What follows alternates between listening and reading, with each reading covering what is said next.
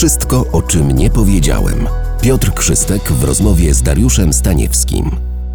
Panie prezydencie, porozmawiajmy o miejskich inwestycjach.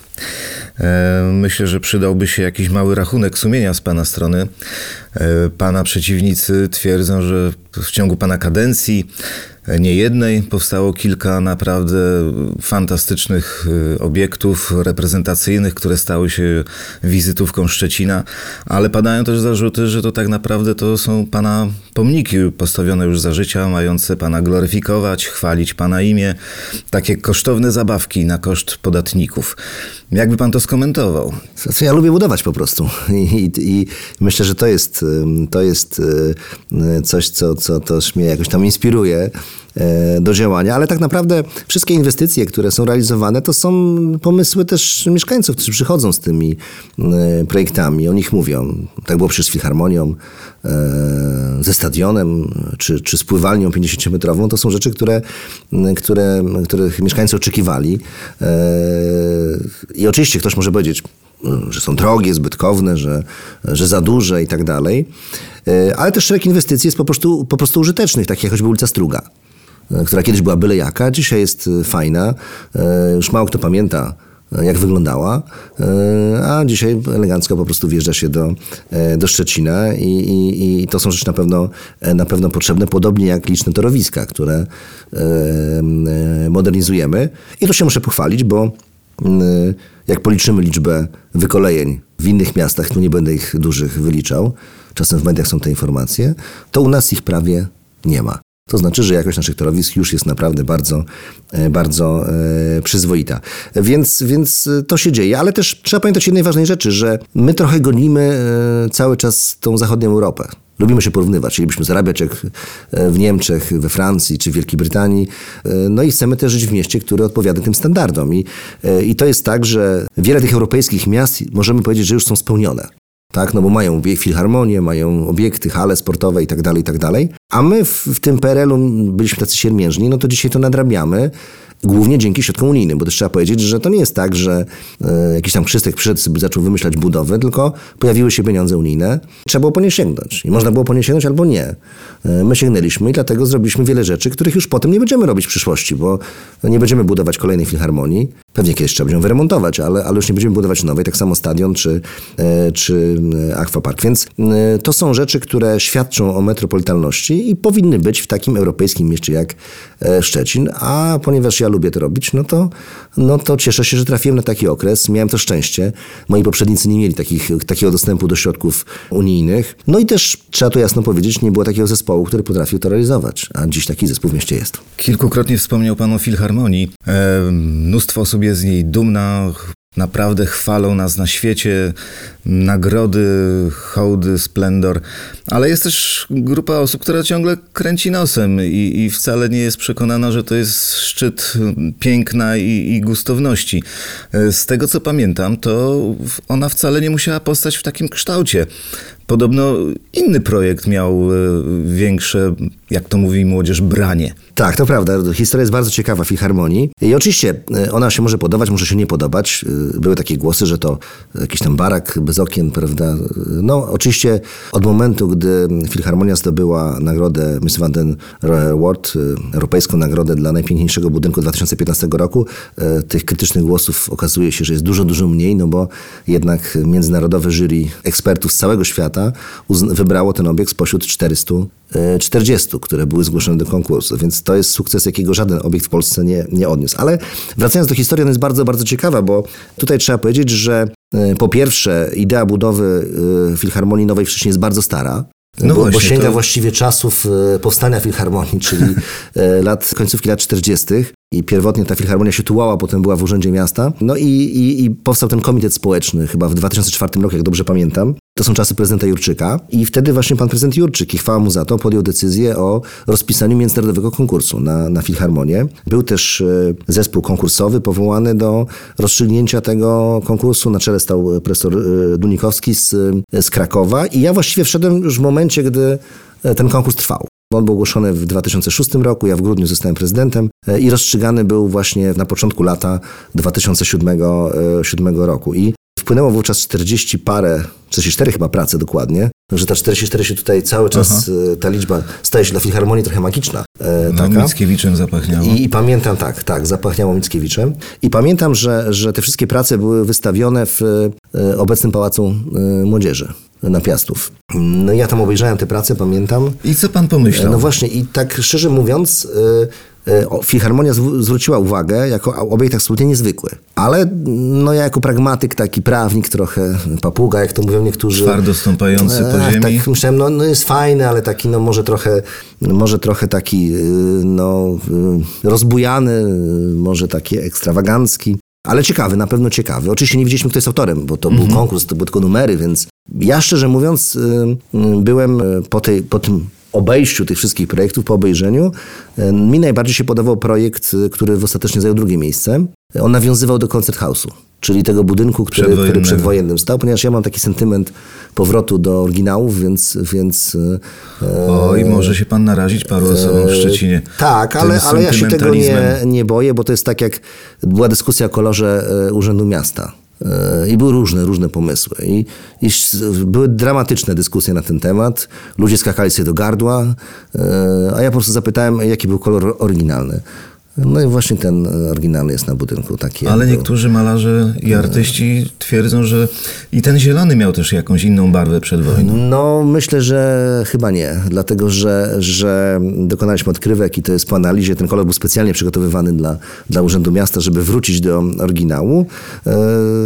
To ta, takie mam podejście. Ale wróćmy do Ale właśnie do Filharmonii wracając. Panie prezydencie, a czy y, pod tym projektem, który ostatecznie wygrał, e, autor może wyjaśnił, co miał na myśli, opracowując tę koncepcję? Bo też wiele osób sobie nawet dzisiaj zadaje pytanie, co ten obiekt ma przedstawiać swoją bryłą? Te wieżyczki, góry. To znaczy, to jest tak naprawdę e, bardziej nawiązanie do takiej hanzatyckości Szczecina.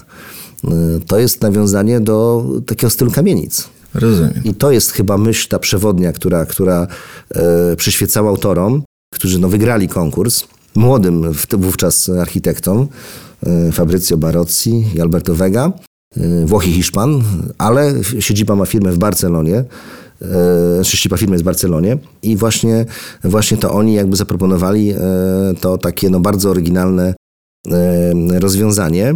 Przekonali pana? E, No, przekonali przede wszystkim zespół e, konkursowy. E, I, i e, gdy, gdy rozmawiałem na ten temat z panem profesorem Dunikowskim, to właśnie on mnie zapytał, który mi się najbardziej podoba. Ja mu oczywiście powiedziałem.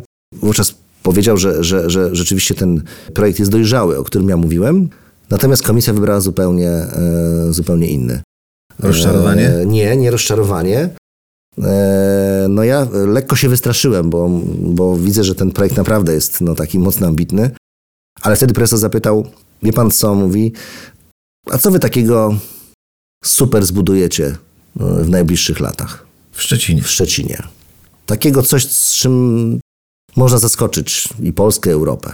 Ja mówię wówczas do niego, no okej, niech będzie ta, ta filharmonia. I, I myślę, że, że oczywiście to, to, to jest anegdota, z, ale autentyczna oczywiście z, z, z historii tego konkursu, ale myślę, że, że e, wówczas sprawdził się naprawdę ten zespół konkursowy e, właśnie pod kierunkiem, profesora Dymkowskiego, e, który naprawdę zawierał specjalistów z różnych dziedzin i, i, i wybrali trafnie. Oczywiście projekt kosztował więcej niż zakładaliśmy, bo miał No to 65 zwykle w milionów życiu. e, kosztował dwa razy więcej. E, Też powiem szczerze, i to mogę chyba ujawnić, że z wynagrodzenia nie byli zadowoleni architekci. To było 3,5 miliona e, złotych netto.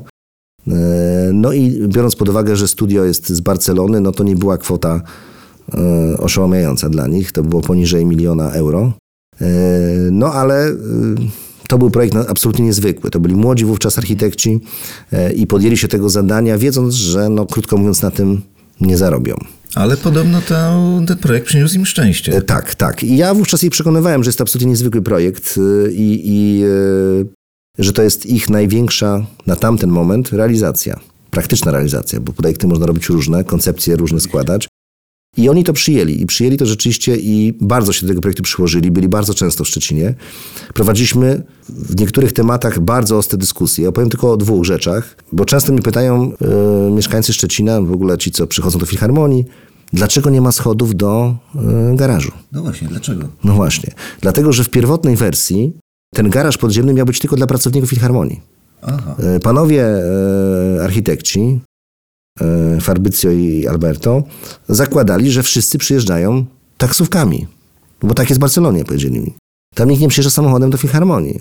E, To ja im tłumaczyłem, panowie, no musicie dać szansę też, żeby jakaś grupa widzów mogła tym samochodem e, przyjechać. No i oni e, pod moim wpływem dobud- doprojektowali jeszcze jeden poziom parkingu, bo pierwotnie miał być tylko jeden. E, No ale nie było miejsca na schody i dlatego niestety, niestety widzowie męczą się zjeżdżając dwoma windami do garażu i jest to rzeczywiście, e, jest to rzeczywiście uciążliwe. Ale e, ten drugi poziom ja trochę wymusiłem na, na, na projektantach, bo w tej wersji pierwotnej tego, e, tego nie było. I drugi element to jest szatnia.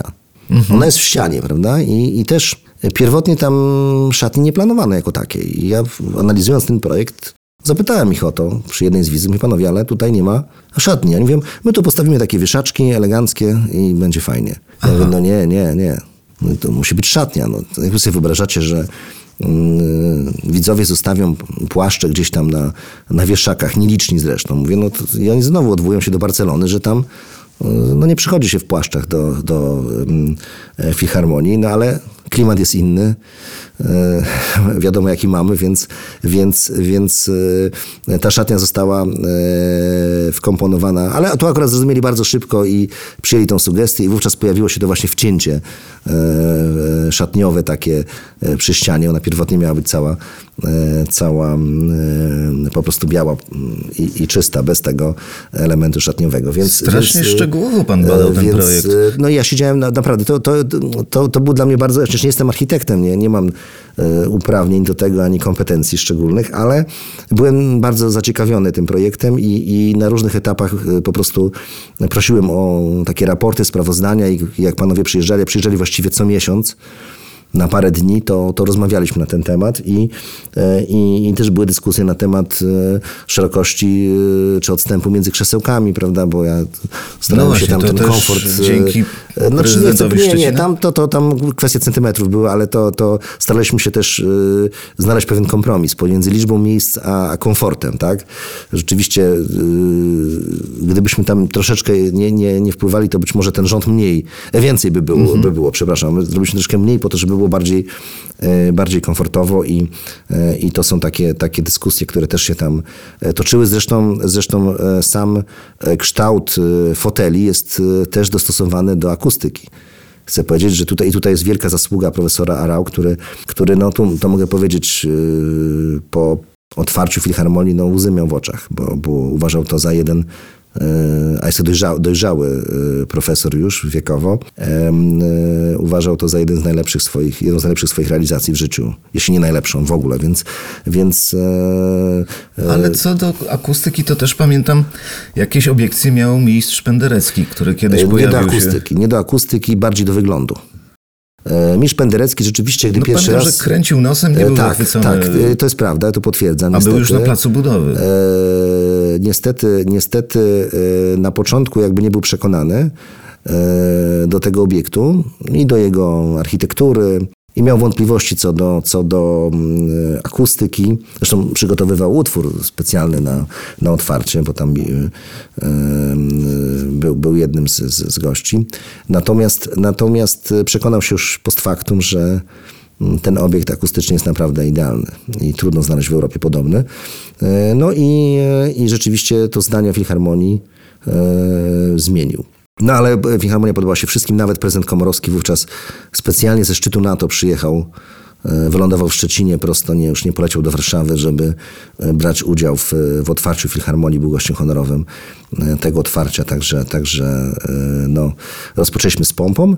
No i e, pierwotnie miał być to obiekt dla orkiestry i dla widzów, dla słuchaczy, dla sympatyków filharmonii, a okazał się także dziełem architektonicznym.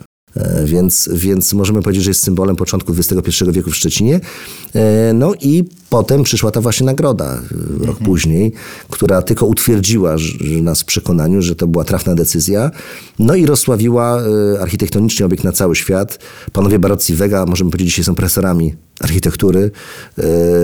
I wiem też, bo w zespole ich w Barcelonie są Polacy, cały czas odwołują się do szczecińskiej Filharmonii, e, do rozwiązań, które tam przyjęli. I pewne elementy są do różnych e, projektów na świecie wkomponowywane. Zresztą jeszcze jedna To ciekawostka. być może w innych projektach jest szatnia Krzystka. E, No wątpię, bo to akurat e, mm, jest bardziej rozwiązanie techniczne niż artystyczne e, czy pragmatyczne.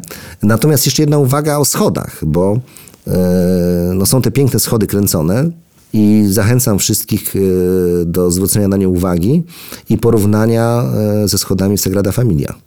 Ponieważ sposób ich kręcenia nawiązuje nieco właśnie do stylu, do stylu Gaudiego, więc, więc to jest taki element e, wiążący Szczecin też z, z Barceloną. Kto był w Sagrada Familia, niech sobie tutaj właśnie porówna te dwie rzeczy. E, Warto, warto, warto na to zwrócić uwagę, bo to jest taki, taki smaczek dodatkowy naszej szczecińskiej e, e, filharmonii. Więc naprawdę e, obiekt piękny, e, e, świetna orkiestra e, i myślę, że, e, że możemy być z niej dumni. Ole. Ole. Wysłuchaliście podcastu Wszystko o czym nie powiedziałem. Zapisu rozmów prezydenta Szczecina Piotra Krzystka z Dariuszem Staniewskim. Książka pod tym samym tytułem dostępna jest w niezależnych szczecińskich księgarniach. A cały dochód ze sprzedaży trafi do zachodniopomorskiego hospicjum dla dzieci i dorosłych w Szczecinie. Kolejny odcinek już za tydzień.